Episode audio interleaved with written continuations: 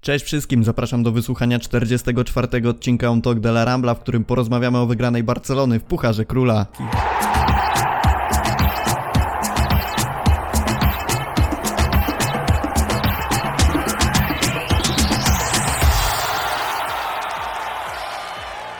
Barcelona z pierwszym tytułem w tym sezonie, wygrany Puchar Króla na podcaście dzisiaj Julia Cicha, siemanko.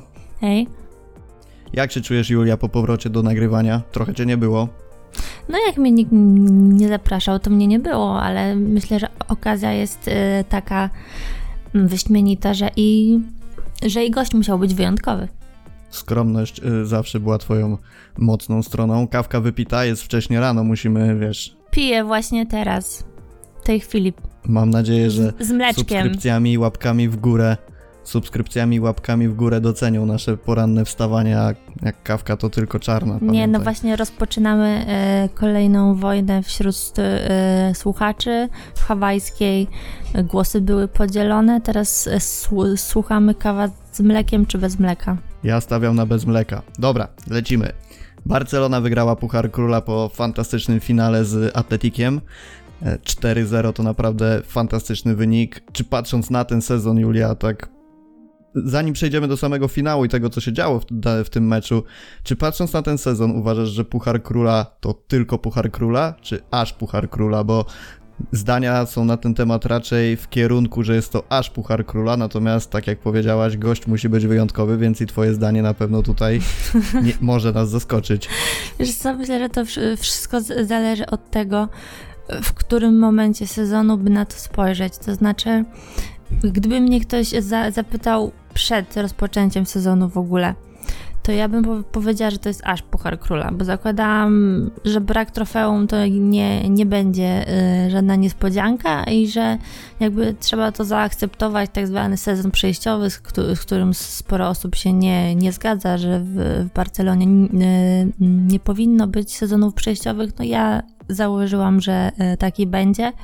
Także z tej perspektywy to jest z pewnością aż Puchar Króla.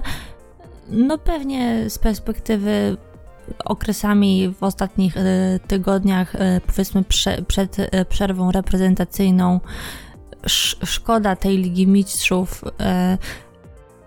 no bo się rozbudziły troszeczkę apetyty kibiców, ale no ja myślę, że to wciąż było bardzo na wyrost, tak? I wci wci wciąż też Barcelona e, walczy w lidze o mistrzostwo, więc e, taki dublet to e, naprawdę byłoby bardzo duże osiągnięcie, biorąc pod uwagę sytuację kadrową, finansową, brak kibiców, zmianę e, prezydenta, no wszy wszystko to, co już, co już dobrze znamy. To ja powiem Ci szczerze, że cały ten sezon traktuję może nie tyle jako sezon przejściowy, bo to jest jednak Barcelona i na te tytuły musimy liczyć, ale świadomość tego, w jakich problemach była Barca, czy to związanymi z wyborami, czy to związanymi z odejściem Messiego, do, do którego na szczęście nie doszło, e, przetrzebieniem tej kadry. No wiadomo, że odszedł z drużyny Suarez, nie mamy tej dziewiątki. Kuman tak naprawdę dopiero poznaje drużynę od jakiegoś czasu, stara się wdrożyć swój system gry i odzyskuje zawodników, na których wcześniej e, stawiali poprzedni trenerzy, ale nie potrafili wyciągnąć tego, tego co najlepsze. No na pewno jest to Frankie de Jong.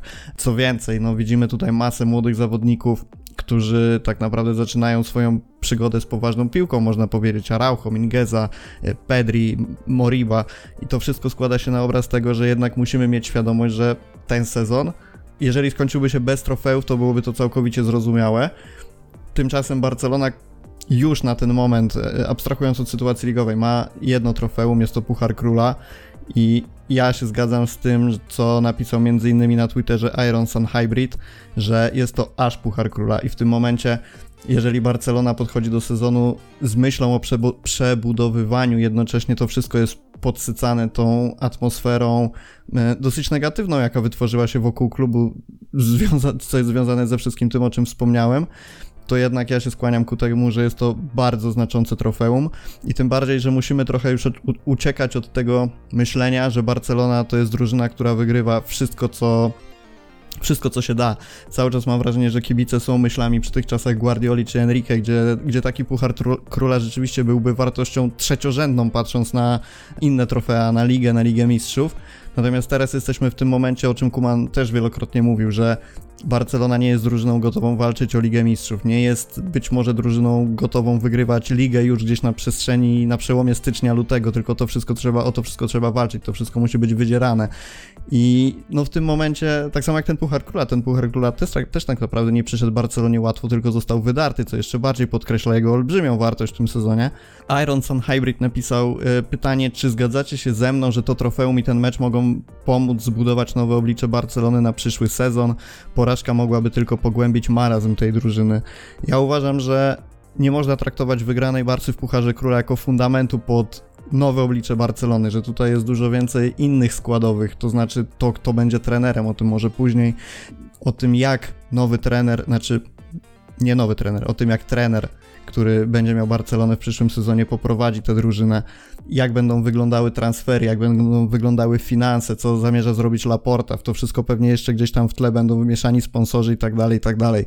Natomiast zgadzam się co do tego, że ta porażka mogłaby pogłębić marazm drużyny, bo jednak bądź co bądź, jest to bardzo ważne trofeum, które na pewno podbije morale ekipy. Ale wiesz, wtrącę ci się tutaj, mm. że e, z jednej strony jest e, tak jak mówisz, a z drugiej wydaje mi się, że sam, sam klub rozpoczął trochę taką narrację właśnie, że to jest e, pierwszy tytuł e, nowej ery, bo właśnie taki e, napis na e, koszulkach, w których świętowali piłkarze był, czyli właśnie pierwszy puchar nowej ery, nowej ery Laporty, nowej ery, nowej drużyny, no tutaj sobie można dopowiadać, ale no wyraźnie widać, że jest takie odcięcie kreską i, i że chcą rozpoczynać w, w pewien sposób od nowa. Jasne, jasne, ja się z tym wszystkim zgadzam i to na pewno jest bardzo ważne trofeum w kontekście budowania tego nowego oblicza, tylko po prostu chciałbym, wiesz, zaznaczyć, e, odpowiadając na pytanie, że nie jest to pierwszoplanowa rzecz, tylko jest to składowa bardzo wielu elementów, które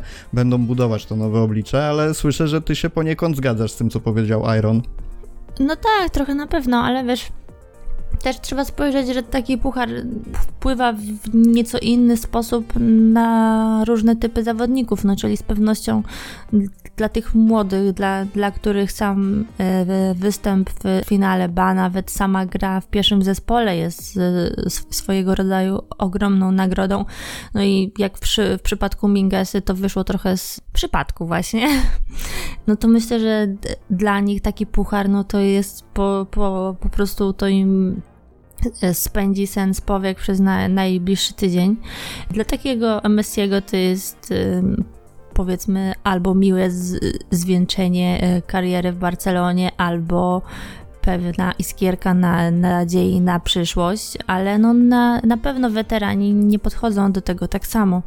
O ile ten y, po, poprzedni sezon, który był całkowicie bez trofeów, no z, pe, z pewnością wśród e, kibiców wy, wywołał takie odczucia, przynajmniej ja to tak odbieram, że teraz radość jest o wiele większa, że kiedyś to właśnie byłoby, a Puchar Króla fajnie, ale w, w e, zasadzie spodziewałam się, tak, tak musiało być, nie? że ten, ten taki dublet to było, to był, to był standard, a wszystko ponad to, to, to już było wow, ale dwa trofea i, i tu mówię dwa jakieś trofea, niekoniecznie mistrzostwo i puchar, to mógł być puchar i super puchar, czy coś takiego, to to, to było tak trochę brane za, za e, pewnik, a teraz e, wydaje mi się, że fajnie, że się można trochę bardziej uśmiechnąć, właśnie e, ucieszyć z tej, z tej Barcelony i nie wiem, czy ty też tak miałeś właśnie, że, że kurczę, trochę, trochę inaczej się na, na, na to wszystko patrzyło. Zdecydowanie i szczerze mówiąc, ja ten finał Pucharu Króla przeżywałem dużo bardziej niż niejedno wygrane mistrzostwo jakiś czas temu. Właśnie dlatego, że, że jest to coś nowego tak naprawdę dla kibiców Barcy, patrząc na te ostatnie sezony. I nie mówię tylko o tym wygranym tytule, tylko o atmosferze, jaka zbudowała się wokół drużyny, że są te uśmiechy, jest radość, widzimy celebro, celebrującego Pikę, który wybiega z autokaru i e, z szampanem gdzieś tam w stronę dziennikarzy zaczyna ich oblewać, widzimy te fotki na Instagramie Ronalda Araujo, który świętuje czy to z De Jongiem, czy to z Fatim. I to naprawdę buduje coś nowego po prostu wokół tej drużyny, coś czego nie oglądaliśmy jakiś czas i coś, co nie jest właśnie opakowane w taki, w taką negatywną formę tego, że Barcelona niby zdobyła trzy punkty w meczu, ale za chwilę okej, okay, no Bartomeu przeprał milion, okej, okay, social media, jakaś afera, farmatroli, no i zaraz wiadomo, jeszcze wpada informacja od jakiegoś dziennikarza, że Messi zarabia tyle i tyle i zaraz jest szkalowany. A spokojnie, to, poczekajmy takie... w ciągu dwóch dni emocje opadną i, i y, zaraz y, zaczną pisać takie rzeczy. Chyba, że Atletico lub Real stracą punkty. Y, tutaj y, nagrywamy przed tymi meczami, więc nie, nie znamy jeszcze wyników, no ale y, wtedy to będzie hura optymizm. Barcelona z dubletem, wielcy katalończycy na białym koniu wjeżdżają do Madrytu. No ale zasadniczo tak, ta radość jest, jest e, właśnie większa i też chyba dla, dlatego, że to zwy, zwycięstwo było okazałe, bo było takie w starym stylu właśnie, takiego 5 do 0 w finale z e, Sevillą, no, no to tutaj 4-0 z Atletikiem, prawie 5 powiedzmy, bo to ten, ten spalony taki o, o włos. Także myślę, że sama, sama gra też, też była bardzo przyjemna, choć e, w pierwszej połowie ja osobiście denerwowałam się. Ja też się denerwowałem i to bardziej nie o wynik, tylko o postawę zawodników, ale dobra, to jak, jak już mamy omówione pierwszy punkt, to przechodzimy do drugiego, czyli do tego, jak Kuman zdecydował się skonstruować jedenastkę na to spotkanie. E, przypomnijmy, Ter Stegen e, w formacji 3-5-2 e, wystąpili kolejno Dest i Alba na pozycji wahadłowych. Trójkę stoperów stanowili Pique, Longle i Minkeza, oczywiście nie w tej kolejności, bardziej Minkeza, Pique i Longle. E, w pomocy Busi, Pedri i De Jong i atak Messi i Griezmann widzimy widzieliśmy. Dwie zmiany względem tego, co zrobił Kuman na El Clasico, czyli zdecydował się na Pique i zdecydował się na Griezmana kosztem Araujo i Dembele. Twoim zdaniem trafiony skład. Może trudno mówić tutaj o trafionym składzie, skoro wygrywamy finał 4-0, no to jakby nie podlega dyskusji, ale może raczej czy zaskoczył cię ten skład, raczej nie? Jak to wyglądało? Wiesz co, e, biorąc pod uwagę doniesienia mediów już od e, jakiegoś czasu, to nie, nie zaskoczył mnie. Ja osobiście e, podtrzymuję to, co powiedziałam przed meczem i przed El Clasico też na live, że ja bym nie wystawiała pikę.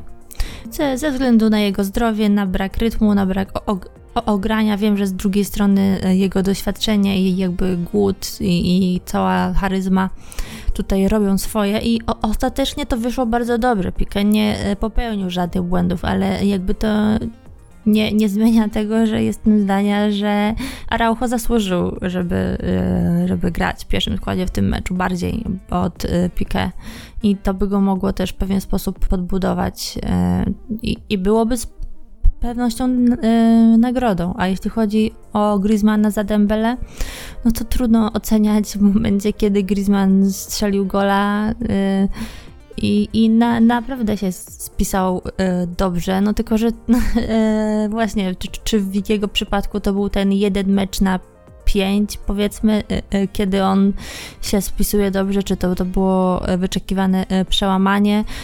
Z, pe z pewnością można było się spo, spodziewać, że na 4-4-2 Atletiku Dembele zrobiłby większą różnicę na boisku, ale z drugiej strony on e, zawiódł w, w klasyku, więc e, być może stąd się, się wzięła decyzja Kumana. Właśnie dla mnie te decyzje personalne były dyktowane tym, jak Barca spisała się w El Clasico i Rozmawialiśmy sobie na, o tym na poprzednim podcaście, że Dembele nie jest zawodnikiem, który przy głęboko cofniętej defensywie rywala będzie robił różnicę. On potrzebuje mieć przestrzeń, on nie może grać tyłem do bramki, on nie może wchodzić w grę kombinacyjną, bo zwyczajnie tego nie potrafi. I tutaj z mojej strony ukłon w stronę Kumana, że zdecydował się posadzić go na ławce i zdecydował się na Griezmana, bo Griezmann jednak w tej grze takiej, może z pierwszej piłki to przesadzę, jak to powiem, ale szybszej, bardziej kombinacyjnej spisuje się lepiej niż, niż Dembele, więc tak, dla mnie to była dobra decyzja i szczerze mówiąc trochę liczyłem na to, że mimo wszystko Griezmann zagra w tym meczu. No jeszcze to wszystko jakby jest y, związane z, ze skutecznością Dembele, która potrafi jednak. A to ja może od razu kuleć. tylko dodam, że w trakcie nagrywania podcastu właśnie e, pojawiło się związane z tym pytanie od Krzyśka Hernika, czyli czy Griezmann zasługuje na drugą szansę w następnym sezonie, czy priorytetem jest ściągnięcie nowej dziewiątki. E, I to myślę, że to możemy spokojnie odpowiedzieć na to właśnie w kontekście tego e, występu Griezmana, bo tak pokrótce. Mm, bo ja osobiście uważam, że on tak czy siak zostanie. Więc to, czy zasługuje na drugą szansę, czy, czy nie, to jest, to jest kwestia drugorzędna, e, ponieważ on jest obecnie nie do sprzedania. To ja odpowiem tak, że zgadzam się z tobą, on zostanie, nie będzie sprzedany. Natomiast jeżeli pojawiłaby się oferta sprzedaży, yy, no w zasadzie oferta kupna Griezmana, to Barca powinna go sprzedać, bo ja jestem raczej bliższy tej opinii, że to był jego jeden z pięciu dobrych meczów, po którym nastąpi raczej spadek tej formy i znowu będzie niewidoczny. I tak czy tak, priorytetem Barcelony będzie kupno dziewiątki, bo tego nie można po prostu odpuścić. To było, brak dziewiątki był zbyt widoczny we wszystkich tych meczach, jakie Barca rozgrywa w tym sezonie i okej, okay, Griezmann może zagrać dobry mecz, Dembele może zagrać dobry mecz, natomiast koniec końców oni nie dają regularności pod bramką rywala takiej, jakiej wymaga Barca i... Ale dodajmy, że e, Griezmann w kontekście dziewiątki jest e, stawiany e, tylko z powodu pieniędzy, których można na nim e, zarobić i później wydać na środkowego e, napastnika, bo on sam nim nie jest i nie powinien wręcz być. Tak, tak, no oczywiście. No, chodzi mi o to, że jeżeli pojawiłaby się oferta, ja uważam, że Barca powinna go sprzedać, ale tak samo jak ty też sądzę, że, że zostanie, bo raz, że nikt nie wyłoży na niego pieniędzy, które mogłyby zadowolić Barsę, a dwa, że gdzieś to cały czas będzie zawodnik kupiony za wielkie pieniądze i e, tak sądzę pozostanie w Barcelonie również ze względu na to. Co do Pique, e, pojawił się taki komentarz na Twitterze, że jeżeli to prawda, że Pique chce zagrać na własne życzenie, pomimo tego, że jest nie w pełni formy, to Kuman powinien przypłacić to zwolnieniem z Barcelony. No już, już tych Tutaj... zwalniających Kumana to mamy co 5 minut z różnych E, powodów i, i szczerze mówiąc e, takim panom dziękujemy. Znaczy ja się nie zgadzam z tym, bo znaczy nie zgadzam się oczywiście z tym, z tym tweetem, e, tylko powiem dlaczego, bo jedna rzecz to jest forma zawodnika, to, że on nie gra i, i ja byłem bardzo zaskoczony tym, że Pique wybiegł w podstawowej jedenastce, Natomiast to, co jest istotne, to jest ten element, którego my jako kibice nie widzimy, czyli komunikacja między zawodnikiem a trenerem. Jeżeli Pique zgłasza Kumanowi, Panie trenerze kochany, ja jestem gotowy do gry, ja mogę grać, boli mnie trochę, ale uważam, że jak przyjmę zastrzyki, dam radę zagrać 90 minut, chcę walczyć, chcę, chcę zagrać o ten tytuł. Kuman się zgadza i w tym momencie my widzimy tylko tyle, że Pika wychodzi w podstawowym składzie, jak on się czuje, czy on jest gotowy do grania, jak on wygląda pod względem mentalnym, to wszystko jest między zawodnikiem a trenerem. I zwalnianie Kumana w tym momencie, że porozmawiał z zawodnikiem, jak on się czuje, moim zdaniem jest totalną bzdurą i takie decyzje możemy oceniać dopiero po meczu, a jak możemy oceniać? No Pique zagrał fenomenalnie. Ja mam tylko jedno Pique... zastrzeżenie e, tak naprawdę, że jeśli Kuman decydował się e, wystawić Pique, to e, chcę wierzyć i i wierzę, że zrobił to, bo uważał, że on całościowo, niekoniecznie tylko grą, ale też właśnie charakterem i tak dalej, da zespołowi więcej niż dałby inny stoper, a nie, że wystawił go ze względu na e, pozycję tak zwanej świętej krowy. Nie sądzę, żeby tak było, ale to trzeba brać e, pod uwagę. Trzeba brać, ale ja sądzę, że mimo wszystko decydowały tutaj aspekty sportowe i właśnie to, o czym wspomniałaś, tego, jakim Pique jest liderem. To jest coś, czego zabrakło w meczu z Realem.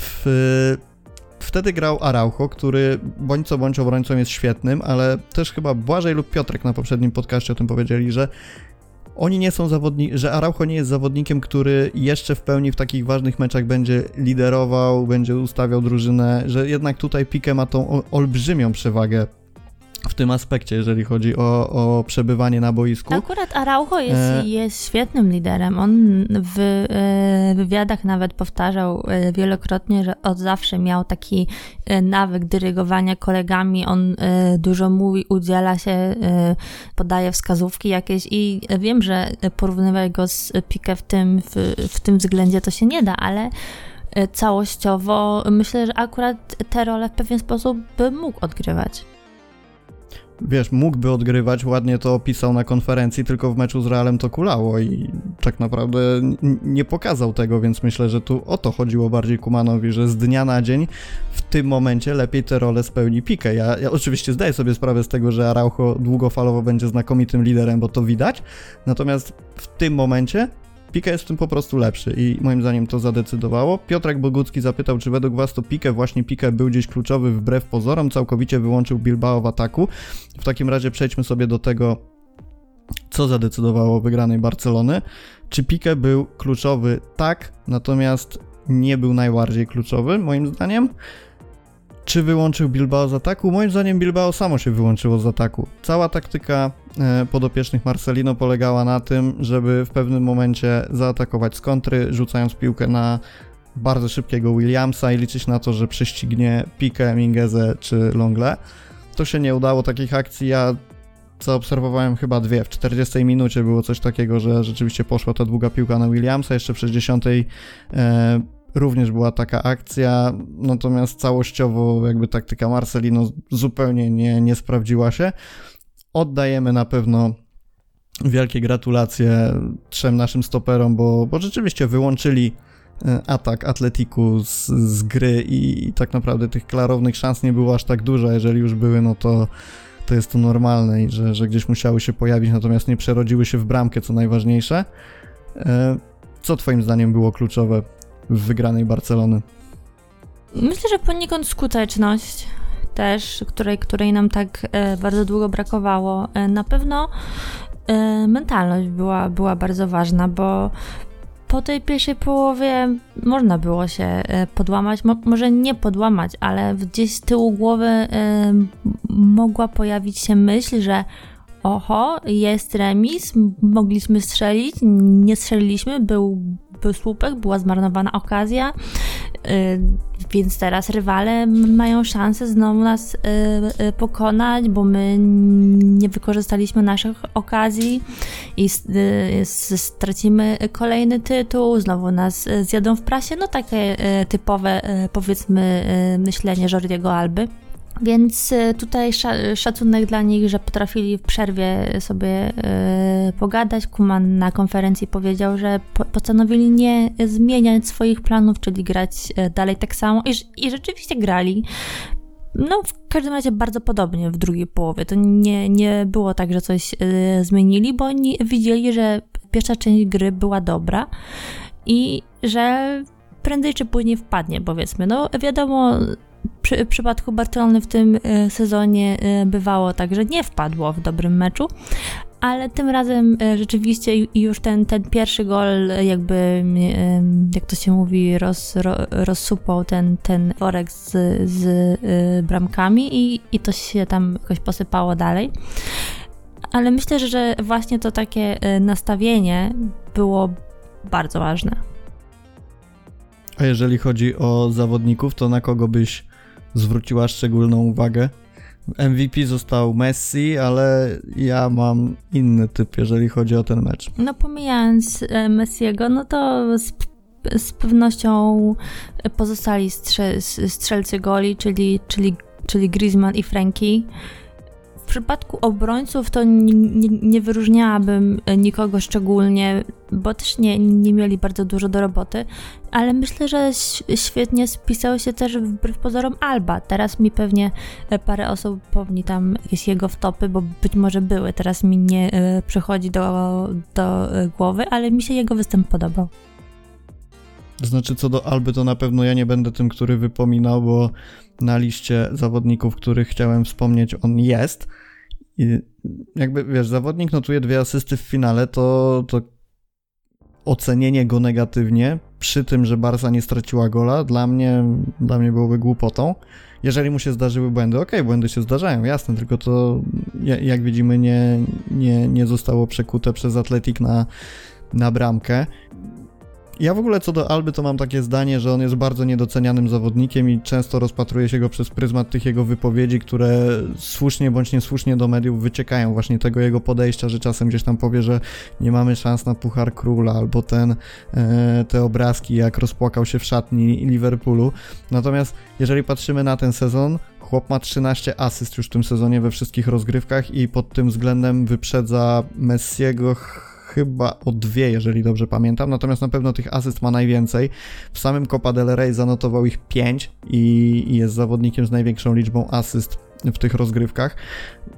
To, jak on się rozumie w tym sezonie z Griezmannem jest czymś naprawdę wspaniałym, bo mówiliśmy przez naprawdę wiele sezonów o jego komunikacji z Messi i tym jego słynnym zagraniu, kiedy dogrywa w pole karnej Messi kończy. A ja to, co, ja to bardzo to, co swoją lubię. Drogą... To jest jego jedyne zagranie, które wbrew wszelkiej logice y, bardzo często kończy się, się golem.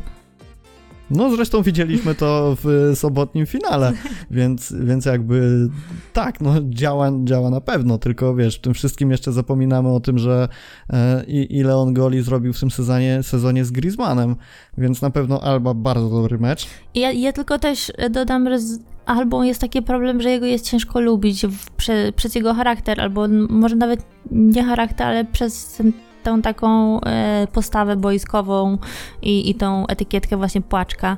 E, ale, ale on prawda. sam powiedział już e, wielokrotnie, że on prywatnie jest zupełnie inny i że, i że to, co on pokazuje na boisku, to jakby nie jest to, jaki on jest naprawdę. No i przy, przyjmijmy, że ch chciałabym w to wierzyć, że tak naprawdę to jest spoko facet to jaki jest prywatnie, to już tam, to już jego sprawa. My jako kibice też mamy prawo oceniać go za postawę na boisku i myślę, że na tym powinniśmy się skupiać przede wszystkim, nie jakoś to życie prywatne piłkarzy, szczerze mówiąc zawsze, zawsze u mnie schodziło na hmm, Dopóki nie plan. wspomnę o Antonelli. E, zróbmy cięcie. Dobra, jeżeli chodzi o innych zawodników, którzy wykazali się czymś naprawdę fajnym, no to, to tak, Griezmann, który jest bohaterem tego Pucharu Króla, z, z Rajo asysta przy golu Messiego, potem dwie asysty, dwa gole z, w remontadzie z Granadą, e, asysta przy golu Pique na 2-0 z Sevillą, w tym finale też gol i, i, bardzo dobra gra, a poza tymi wszystkimi liczbami ja jeszcze polecam sobie spojrzeć na tego gola, który wpadł na 4-0, kiedy, kiedy asystował Alba, to dosłownie chwilę wcześniej. On właśnie wymienił podanie z Griezmannem i Griezmann dał mu naprawdę fantastyczne podanie z pierwszej piłki, wypuszczając na wolne pole. Także to decyzja Kumana bardzo, bardzo dobra, ale zawodnikiem, no oprócz Messiego, Messi jest Messim, to wszyscy wiemy i, i to jak zagrał, to to tego się nie da po prostu opisać statystykami, trzeba po prostu obejrzeć mecz, a na koniec stwierdzić, że był to jego kolejny wielki występ. Ale może zanim e, to jeszcze pytanie o Messiego, e, bo często mówi się, że Messi w ważnych meczach zawodzi. Zawiódł znowu? No ja jestem bardzo rozczarowana. Myślę, że po takim meczu Messi y, powinien dla swojego dobra opuścić ten, ten, ten klub, bo to był taki wstyd, że mm, jeśli ma jakiś honor, to y, y, powinien się pożegnać. Dokładnie. I ja chciałem tylko o tym wspomnieć na teraz, bo. Żeby nie było, to był sarkazm dla tych. tak, dla tych, którzy mają z tym, z tym problem, to był sarkazm. Dlaczego chciałem o tym wspomnieć? Jakoś jest to kolejny mecz, kiedy Messi jest wielkim liderem na boisku, kiedy, kiedy strzela gole, asystuje, udziela się w grze i jakoś jest o tym bardzo cicho. Natomiast jeżeli by Messi zniknął w tym meczu, to prawdopodobnie Twitter szalałby przez dwa dni. Dlatego ja chciałem tylko od siebie podkreślić, że Messi zagrał bardzo dobry finał i po prostu warto o tym pamiętać. Natomiast dla mnie bohaterem tego meczu jest zdecydowanie Franki. Franki zagrał mecz, których w Ajaxie też nie miał aż tak dużo na takim poziomie, bo, bo to co pokazał w finale to było coś po prostu niesamowitego. E, pomijając ten słupek na początku, który powinien zakończyć się bramką, no to asysta przy golu Griezmana, potem gol. Zresztą gol też naprawdę bardzo ładny, bo to, to że on wpadł na, na pomysł, żeby atakować tę piłkę głową, to naprawdę szacuneczek. W ogóle wielkie ukłony w stronę Kumana za to, jak potrafi zmieniać pozycję De Jongowi w tym sezonie, bo od od obrońcy, od środkowego obrońcy gdzieś po defensywnego pomocnika, pomocnika bardziej wysuniętego i grającego bliżej środka pola, gdzieś umieszczał go na dziewiątce, asysta ze skrzydła, naprawdę jeżeli chodzi o ten sezon, to De Jong jest po prostu wszędzie. W finale 96% celności podań, trzy kluczowe podania i 4 na 4 udane driblingi, zresztą warto ten mecz po prostu obejrzeć sobie patrząc na niego i, i, i, i zauważyć, że był po prostu wszędzie, angażował się praktycznie w każdą akcję. Dlatego ja szczerze mówiąc trochę byłem rozczarowany tym, że Messi dostał MVP, bo uważam, że Franki naprawdę swoją grą zasłużył. Natomiast to jest ten ból głowy, który na pewno chcemy mieć po finałach, czyli kto jest MVP, czy bardziej Messi, czy bardziej Franki. I to jest też, no, no, I to jest też yy, sorry, że ci przerwę, za, zasługa Kumana yy, bardzo duża, który yy, tak naprawdę prze, przedefiniował całego Frankiego i Franki z teraz, a Franki z rok temu to jest y, tak naprawdę nie była ziemia. Jak najbardziej, jak najbardziej. Mm Marta na Twitterze napisała, w ostatnim podcaście wspominali panowie, to chyba Piotrek wspomniał, że Kuman nie ma swojego żołnierza. Czy przypadkiem to Franki nim nie jest? Julia.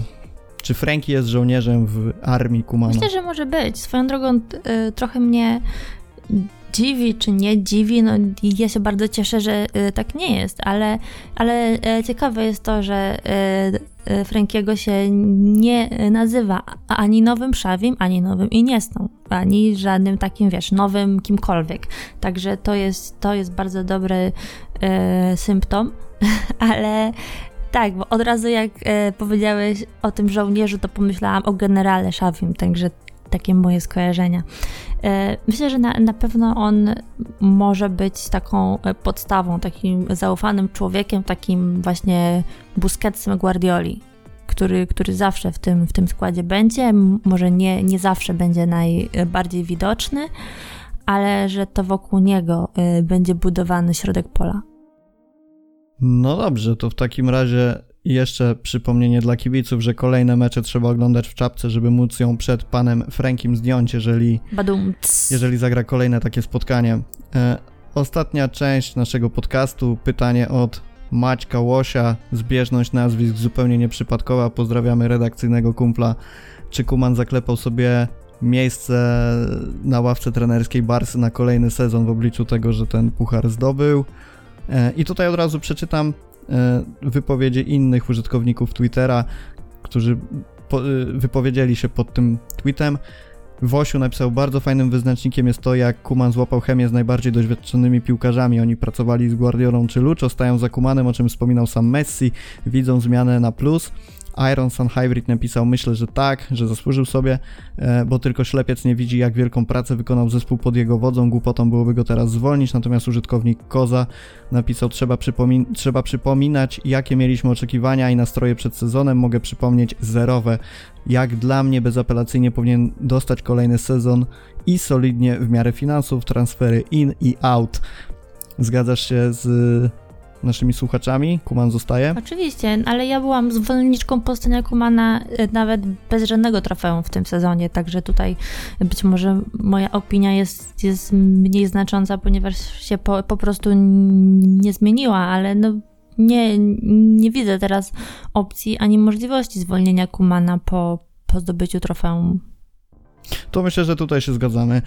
Ja szczerze mówiąc widzę to, to co wspomnieliśmy na początku podcastu. Kuman wykonał kapitalną robotę, jeżeli chodzi o ten sezon. Jeżeli nie znajdzie to odzwierciedlenia w wygranej lidze, trudno znalazło to odzwierciedlenie w Pucharze Króla. Liga Mistrzów, sam Kuman mówił, że na ten moment jest poza naszym zasięgiem, natomiast i tak pewną poprawę było widać, jeżeli chodzi o te mecze, tak szczerze mówiąc. Nie był już to taki, aż taki oklep, no może w tym meczu z pierwszym z PSG był, ale już rewanż wyglądał naprawdę przyzwoicie. Drużyna cały czas się buduje i to jest też to, o czym mm, często się mówi w kontekście polskiej ekstraklasy, że trenerzy są szybko zwalniani, zanim tak naprawdę wykonają jakąkolwiek pracę prowadzącą do sukcesów drużyny.